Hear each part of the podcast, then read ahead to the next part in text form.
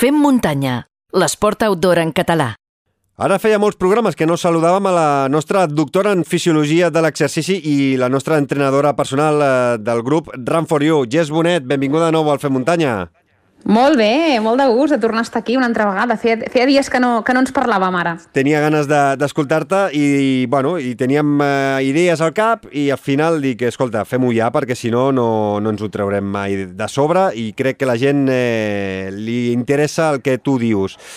En la secció d'avui vull parlar, m'agradaria parlar, eh, de les sèries quan sortim a córrer per la muntanya. M'he trobat molts corredors que no n'han fet mai o perquè desconeixen com es fan o en molts casos eh, per mandra, no sé. Eh? A veure si aconseguim que de forma planera els nostres oients i oientes eh, s'animin a, a, a fer-ne. Primer de tot, per qui no ho sàpiga i faci poc temps que practica esport, què són les sèries? Què són les sèries? Bona pregunta. A veure, les sèries és un entrenament que, que és com un intervàlic, és a dir, que, que juguem en, amb una velocitat ràpida i una lenta o una velocitat ràpida i un descans. És a dir, el que busquem és treballar la, més aviat la part més de velocitat eh, amb un descans, amb unes petites pauses. Aquestes petites pauses poden ser doncs, eh, amb una recuperació activa, que seria, doncs, per exemple, el trote, uh -huh. o amb una recuperació total, que podria ser doncs, estar aturat doncs, un minut, dos, tres, en funció del tipus de sèrie i de l'objectiu que busquem. -huh. I quins beneficis ens aporten les sèries en quant a velocitat, adaptació fisiològica a l'esforç? Doncs mira, eh, bàsicament el que, el que busquem quan fem sèries és treballar més la nostra, eh, la nostra... O sigui, el que busquem és millorar la nostra velocitat aeròbica màxima, és a dir, busquem treballar a unes velocitats elevades, eh, properes al consum màxim d'oxigen o al llindar anaeròbic, i eh, el que busquem és això, precisament, no? doncs millorar aquesta part més de d'anar ràpid, no? de, de, buscar, de buscar certa velocitat. Per què ens beneficia això? Perquè normalment quan, quan nosaltres volem millorar, eh, si només fem rodatges, és a dir, si sempre sortim a córrer, doncs, no sé, 20 quilòmetres a la mateixa ruta de muntanya, està molt bé, ens mantindrem en forma. Però si el que volem és millorar eh, la nostra, la nostres, les nostres capacitats, el nostre temps de cursa, etc etc, el que hem de fer és donar-li com, com xispes al nostre cos aquests inputs que són les sèries. És a dir, donar-li aquest, aquesta, uh, aquest com una mica estrès fisiològic, no? de pujar la freqüència cardíaca, de pujar el consum d'oxigen, perquè reaccioni i digui ei, que nosaltres també podem córrer més ràpid, eh? que no sempre hem de córrer a ritmes suaus. Llavors, quan fem això, el que aconseguim és que el nostre cos com es desperti i, um, i al final eh, siguem capaços de córrer una mica més ràpid i um, fer servir, diguéssim, la mateixa energia. Per tant, l'entrenament de sèries el que ens, el que ens dona és aquesta xispa. Mm -hmm. I com i quan eh, comencem a notar aquestes millores en les nostres tirades més llargues o, o en les eh, primeres competicions eh, després de començar a fer sèries?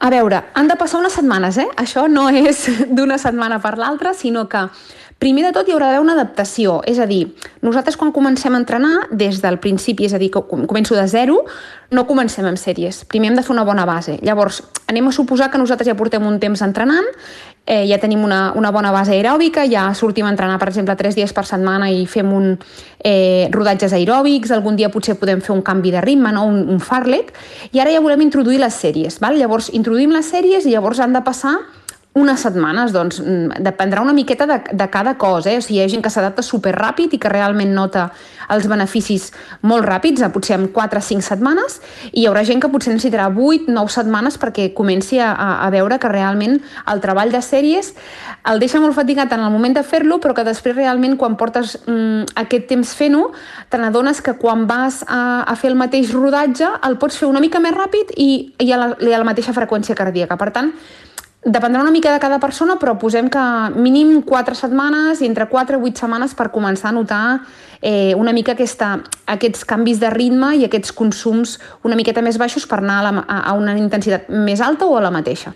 Eh, jo sé que eh, aquí ara parlo ja a, a nivell personal, eh? el que sí que a vegades eh, noto és que per agafar la, la mateixa freqüència cardíaca eh, el cos o les cames em demanen córrer més ràpid i el que passa a vegades és que les cames van carregades perquè has fet eh, treball de força i tal, i de vegades costa eh, posar eh, ritme més alt per pujar freqüència cardíaca. És normal, no, això? Sí, sí, totalment, totalment, clar, clar, sí, sí, sí.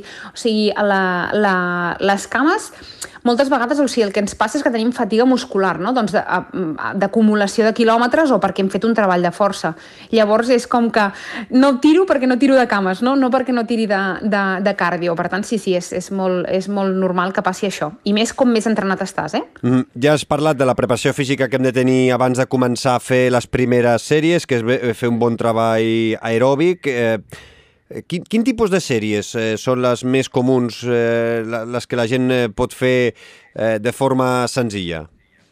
Mira, primer, si vols, diferenciem una miqueta el que hem dit ara, no? És a dir, quan comencem, quan ens iniciem en el, en el, en el món del trail running o del running, mm, i comencem a fer sèries, hem de buscar unes sèries que en realitat li diem sèries però no són exactament sèries, perquè no estem buscant treballar a una intensitat superalta, sinó que el que estem buscant és treballar a una intensitat una mica més alta de lo que fem normalment i busquem una pausa, sense, mai millor dit, voler córrer molt. Val? O sigui, al principi hem de fer aquests blocs doncs, que poden ser potser una mica més llargs, de, de posa 3, 4, 5 minuts, que no siguin una intensitat molt elevada i que ens permetin doncs, descansar un parell de minutets i tornar-ne a fer una altra. I, per exemple, quan comencem doncs, podem fer dos, tres sèries de 4 minuts, per dir alguna cosa, eh, descansant dos, tres minutets. Val? Mm -hmm. I amb mhm. això és suficient. I a partir d'aquí ho hem d'anar moldejant una miqueta en funció dels objectius.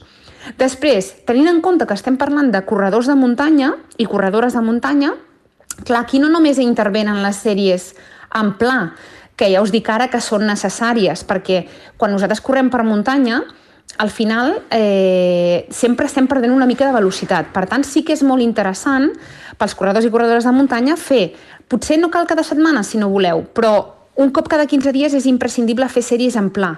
Val? Jo diria que per mi és imprescindible fer-ne un cop per setmana, però, però que, bueno, que si no tenim el temps, doncs un cop cada 15 dies. Però és molt, molt important per poder veure que els ritmes que estem portant els som capaços de mantenir-lo i fins i tot augmentar-los, perquè la muntanya, clar, si ens varia una miqueta el desnivell, ja no som... Podem mirar per freqüència cardíaca, però ja no, el ritme ja no ens guia perquè, clar, si ho pujo una miqueta més la, la, el pendent, doncs ja no ens servirà. Per tant, és important que els corredors i corredors de muntanya eh, feu un dia per setmana sèries en pla. I després tenim les sèries de pujada. És a dir, quan nosaltres fem un entrenament específic de pujades, al final també estem fent sèries. Uh mhm. -huh. Per tant, també és interessant fer aquest treball de, de pujades, que, bueno, si vols en parlem, que poden ser de moltes maneres, eh? però també és aquest treball de, de, de sèries. Llavors, en funció de si fem una cursa més llarga o més curta, doncs, per exemple, imagineu-vos que fem una cursa de 10 quilòmetres per muntanya, don, o fins a mitja marató, doncs a nosaltres ens interessa a millor fer sèries de 500, 1.000, algun 1.500, val? més o menys. Ara, si estem preparant eh, fer una cursa una marató de muntanya o estem preparant fer, no sé, un, una ultra Pirineu, doncs potser aquestes sèries han de ser més llargues. Aquestes sèries potser han de ser de 3 quilòmetres. Però, clar, evidentment la intensitat no serà com quan fem les sèries de 500. Llavors, mm. hem de veure una mica cap on va l'objectiu per discriminar quin tipus de sèrie ens interessa més. Mm -hmm. I com podem calcular uh, el número de repeticions i el temps de recuperació entre cada sèrie? Perquè això, a vegades, les matemàtiques, els entrenadors... Clar, eh, ara... Mira, et faré una pregunta, t'avançaré una pregunta que tenia escrita més per més endavant, eh? eh les sèries eh, és bàsic que sempre tu, mm, tu doni i tu pauti un entrenador o un, que una persona que no tingui entrenador també es pot pautar les sèries d'alguna manera? A veure, clar, eh, tu t'ho pots pautar, però evidentment si estàs amb una persona que més o menys coneix com corres, no? que analitza una mica el que estàs, el que estàs fent, eh, segurament t'ho indicarà molt millor que si t'ho fas tu pel teu compte, perquè clar, Uh, quantes sèries faig? Molt bona pregunta. Doncs no, no, és sèries que, faig? És que, és, que, és que, clar, jo fa molts anys no tenia... No, M'entrenava jo sol i aquí m'entraven tots els dubtes del món, no sé quantes repeticions, no sé quant de temps ha de durar cada repetició, no sé quant de temps he de descansar entre repeticions, i, i la veritat és que hi ha gent que ho sap i, i, i, i ho dic, eh? Vull dir, tu, tu ets la, la persona que m'entrenes a mi i la veritat és que des de que em portes les sèries surten bé, eh, acabo amb una fatiga mm, perfecta per poder continuar entrenant el dia següent, Eh, i llavors estic super tranquil amb el tema de les sèries. Llavors, per això pregunto, si una persona que no tingui cap mena d'entrenador i es vulgui pautar les seves sèries, doncs quines pautes seguir eh, per uh mhm. -huh. poder planificar-se les seves sèries? A veure, jo com a pistes, eh, perquè clar, això eh, o sigui, també és, és molt a, a mesura d'observació, eh? vull dir que també un si es coneix molt, la veritat és que segurament ho clavarà més. Val? Llavors, per exemple, jo et diria, les sèries normalment, quan les fem, imagineu-vos que fem 5 sèries d'un quilòmetre, val? per dir un, així un, un entrenament que podria ser més o menys típic. Llavors, um, hem d'intentar sempre que l'última sèrie sigui un pèl més ràpida que les anteriors o, si més no, més o menys al mateix ritme. Val? Si fem, per exemple, per dir alguna cosa, la primera sèrie anem a un ritme de 4 km, la segona mantenim a 4 km, la tercera 4.03, la quarta 4.05 i la última 4.10, aquí hi ha alguna cosa que fem malament. O bé estem fent massa sèries o, perdona, o bé hem començat a un ritme que no era el nostre. O bé estem descansant poc. Val? Llavors, una mica aquesta seria la pista, és a dir, saber si quan acabem les sèries eh, hem donat tota la última o aquesta última ja se'ns ha, ja, o sigui, se ha, se ha fet duríssima val? i l'hem tret molt més lenta. Si ha sigut així, jo començaria primer per treure'n una. Després, si això no funciona, baixa el ritme. I si això no funciona, augmenta la recuperació. Per exemple, una recuperació bona eh, perquè nosaltres fem moltes sèries, o, bueno, o, o dividim en sèries, perquè el que volem és treballar una mica més ràpid per poder fer aquella, aquella prova més ràpida. No? Llavors, clar, jo el que m'interessa és no descansar del tot, perquè si descanso del tot no és real. Jo, quan faig una prova, no descanso del tot a mitja prova, per molt que faci un avituallament, per exemple. Llavors, el que busco és que em baixin les pulsacions. Anem a posar un exemple, és, és molt genèric, eh? enteneu-ho enteneu així mm -hmm. genèric, però imagineu-vos, acabo, les, acabo les sèries a 170 pulsacions. Quan torni a començar, mínim m'ha d'haver baixat 40 pulsacions. Vale? Clar, això quan ja vas entrenant ja saps que això és un minut i mig, o és un minut 15, o és un minut 45. Però més o menys que tingueu aquesta referència, unes 40 pulsacions des de que acabo la sèrie fins que torno a començar.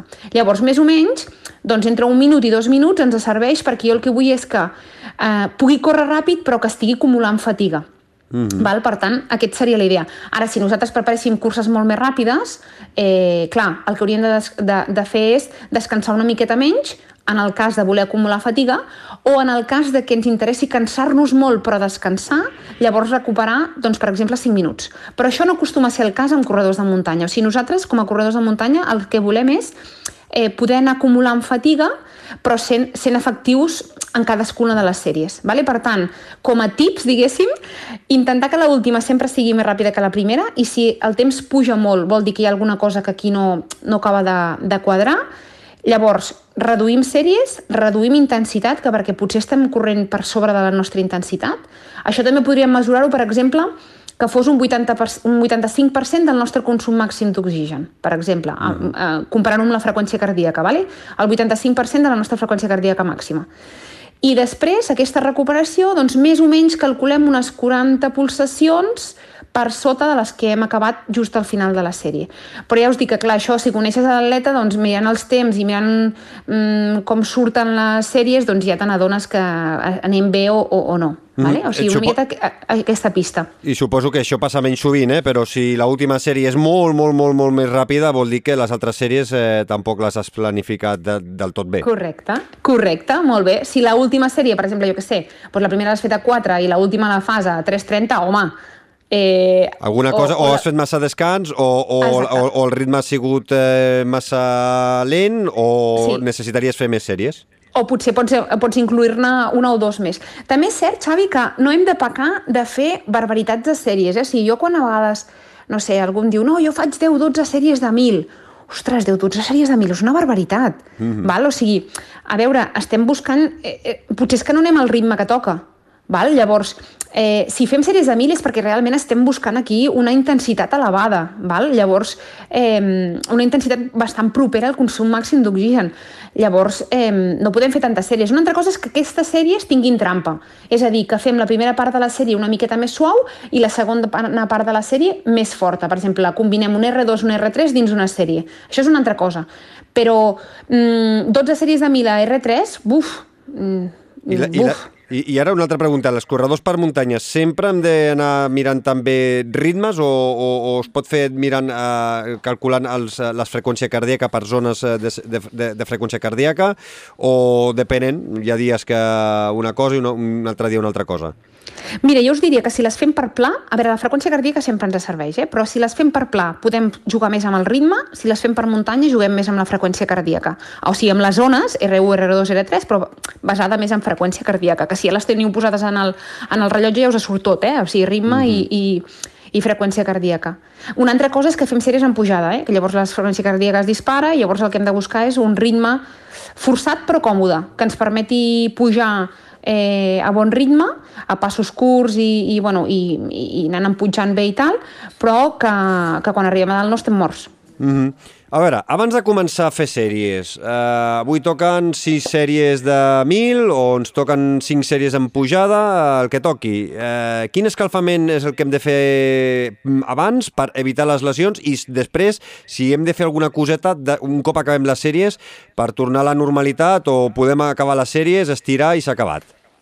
Doncs mira, imprescindible sempre escalfar molt bé. Escalfar molt bé no és escalfar 5 minuts ni 10.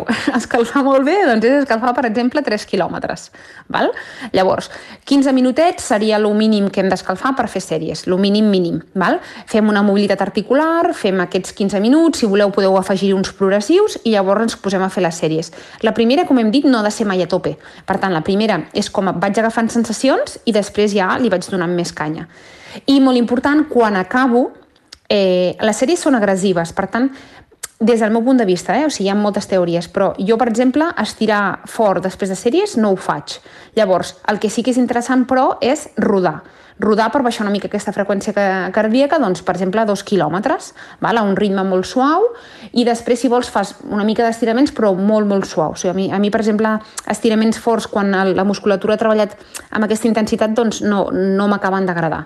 Però bueno, això ja, segur que trobaries altres entrenadores que et dirien que, que prefereixen estirar, eh? Uh -huh. Però busca, busca això, un bon escalfament, mínim això, 15, 3, 15 minuts, 3 quilòmetres, depèn del ritme clar de cadascú, i després fer un, una part de refredament també de, de rodatge. Mm, mm, a veure, ja anem acabant, eh? coses que hem de tenir en compte a l'hora de planificar les sèries, és a dir, eh, abans, de, abans o després de dies de gimnasi de fer força, abans o després de les tirades llargues, eh, quan tinguem competicions a la vista, per exemple, si diumenge tenim una competició, aquella setmana eh, toca fer sèries o millor fer rodatges?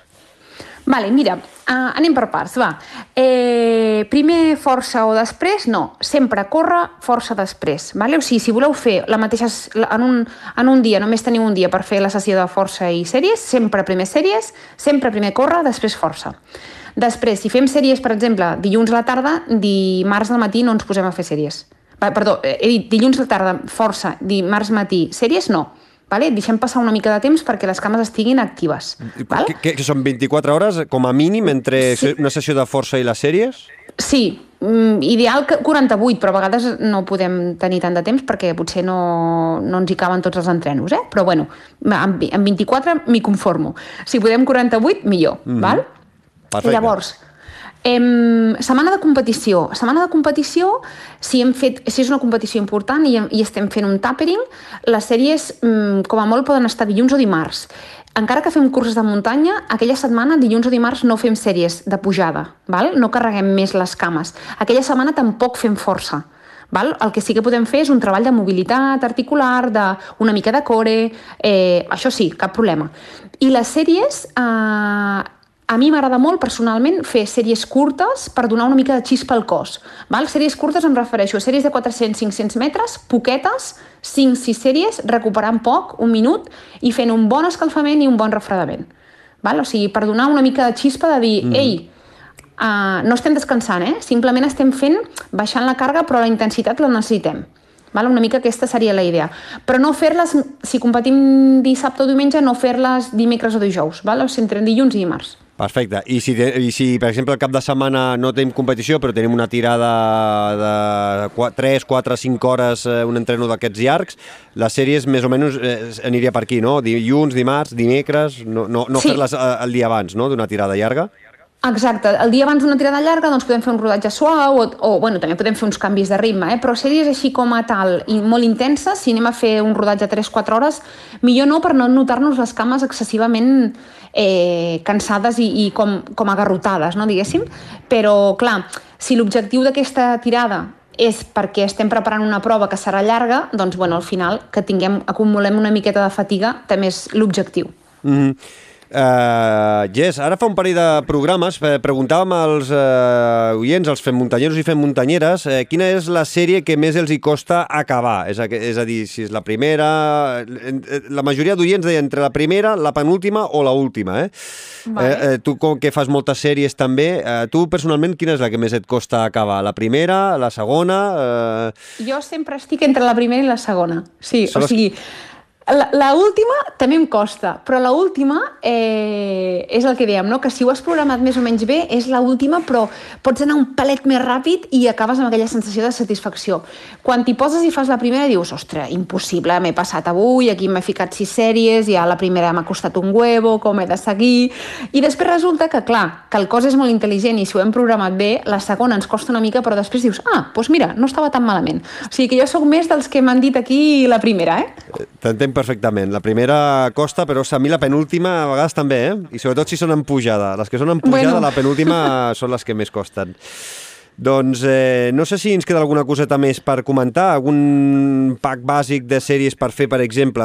Parlaves de sèries de pujada, sèries d'en pla, eh, allò que dius, vinga, mm, no hem fet mai sèries eh, i vull fer sèries en pujada. Què recomanes als oients eh, de dir, bueno, no sense passar-se, però per fer les primeres sèries en pujada i les primeres sèries en, en pla, què recomanes? Si volem preparar posem, si estàs començant a fer sèries i posem que portes poc temps corrents, que sí. com a molt estiguis preparant un 15 quilòmetres, 20 quilòmetres... Sí. Vale, doncs mira, Comencem amb sèries en pujada. Sèries en pujada podem fer-ne, per exemple, primer, important, aquí sí que és un bon escalfament, 3-4 quilòmetres, no, no, no escatimeu en escalfar. Després podem fer, per exemple, dos blocs de tres sèries de pujada, de més o menys entre un 6 i un 10% de, de desnivell i que siguin doncs, de, no sé, anem a posar eh, uns 200 metres, vale? entre 100 i 200 metres, vale? perquè estem parlant d'iniciació. Arribem a dalt a bon ritme, baixem a trote i sense parar tornem a pujar. Fem aquestes tres i entre aquests dos blocs de tres fem uns progressius de, per exemple, 40-50 metres. Per què? Això es diu transferència. Li estic dient al cos, estic fent aquestes pujades, però en realitat diu aquestes pujades les faig perquè vull tenir força a les meves cames i córrer més ràpid. Per això faig aquests progressius entremig d'aquestes pujades. Val? Uh mhm. -huh. Torno a fer una altra vegada i després intento rodar, però aquest rodatge m'agradaria que no fos un rodatge suau, sinó un rodatge una mica progressiu, que acabem una miqueta forts. No R3, però sí un ritme una mica alegre. Val? Això seria un, un, un exemple, per exemple, de pujades per gent que comença. Perfecte. Que ja estem en un nivell una miqueta més alt? Vale, doncs puc alternar pujada més baixada i, i el, faig, per exemple, una sèrie de pujada i baixada ràpid, descanso baix un minut i després, per exemple, faig pujada ràpid i baixo a trote. I això puc repetir-ho, per exemple, quatre vegades, igual, fer dos blocs de quatre, per exemple. Que estic a tope, pujada, baixada, pujada, ràpid, descanso baixant, caminant o baixant a trote i tornem a fer-ho. Aquestes no ens podem passar perquè aquestes ja són molt potents, vale? o sigui, el pujar, baixar, pujar ràpid, això ja és molt potent i per tant, bueno, 5-6 sèries i tampoc sense passar-nos de, de distància. Vale? I després, mmm, pack asfalt, pels que comencen, molt típica, doncs no sé, entre 3 i 5 sèries de 1.000, eh, recuperant un minut i mig, dos minuts, val? en funció de com estem, també un bon escalfament. I a mi m'agrada acabar quan comencem amb una una miqueta més curta, per exemple, després d'aquestes tres sèries de 1.000, fer-ne una de 500, que ens permet anar una miqueta més ràpid, que potser aquesta quarta ens costaria, però si la fem la meitat ens permet anar al mateix ritme que les anteriors o un pelín més ràpid. I llavors és com que ens anem amb aquesta sensació de, de xispa, no? de dir, oh, que bé, he acabat l'entreno més ràpid. I després també a mi m'agrada molt fer-les en piràmide, és a dir, eh, doncs no sé, 400, 800, 1.000, 1.500 i després tornem a baixar, 1.000, 800, 400, qualsevol cosa així, descansant menys en les més curtes, per exemple, un minut a les de 400 o 500, i fins a dos minuts o, do, o dos minuts 30 a les, si arribem a fer-ne, per exemple, de dos quilòmetres. Mm -hmm jo crec que està molt bé. Jo crec que és, eh, cal agafar paper i boli. Podeu escoltar-ho, aquesta secció o aquesta conversa tantes vegades com vulgueu i prendre nota, sobretot tots els oients doncs, que no tinguin cap entrenador o entrenadora que els hi planifiqui les sèries i vulguin començar a fer-ne. Vull dir, és una bona manera d'iniciar-se i, i, i, mira que jo, ja et dic, eh, abans fa un parell o tres d'anys no, tenia, no hi havia ningú que em planifiqués els entrenaments i des de que em, em poses les sèries eh, sí que eh, not, notes aquest canvi, el que comentaves tu, no? que fas les tirades llargues i el cos et demana córrer més ràpid per arribar a aquell nivell de, de pulsacions que arribaves eh, fa uns mesos eh, enrere. Eh? Vull dir que realment són necessàries i després en competició, doncs, eh, la veritat és que ho notes, ho notes que arribes a, estàs a, a, a tres quartes parts de la, de, de la cursa, sigui una marató, sigui una mitja, i encara tens xispa, això és important. Totalment, totalment. I a més, si tenen dubtes, com sempre tu dius, Xavi, eh, us la, bueno, ens, ens les poden fer arribar i, I tu, tant. tu me, les, me les passes. I tant, femmuntanya arroba femmuntanya.cat és el nostre correu electrònic i si no a través del nostre canal de, de Telegram eh, allà som un munt d'oients i amics que anem eh, comentant, anem eh, resolent dubtes entre tots i molts eh, doncs, eh, d'aquests dubtes els anem passant doncs, en, en, aquest cas amb tu, també amb el Pol Puig, eh, amb l'Anna Grífols, vull dir, anem, anem distribuint eh, els dubtes, que al final aquest podcast també són eh, pels, pels oients. Jess, com sempre, un plaer aquests minuts. Espero que els oients també hagin après, eh, tant com jo, i ens escoltem d'aquí ben poc. Cuida't, una abraçada. Moltíssimes gràcies i a seguir corrent molt. Una abraçada. Visita la nostra web femmuntanya.cat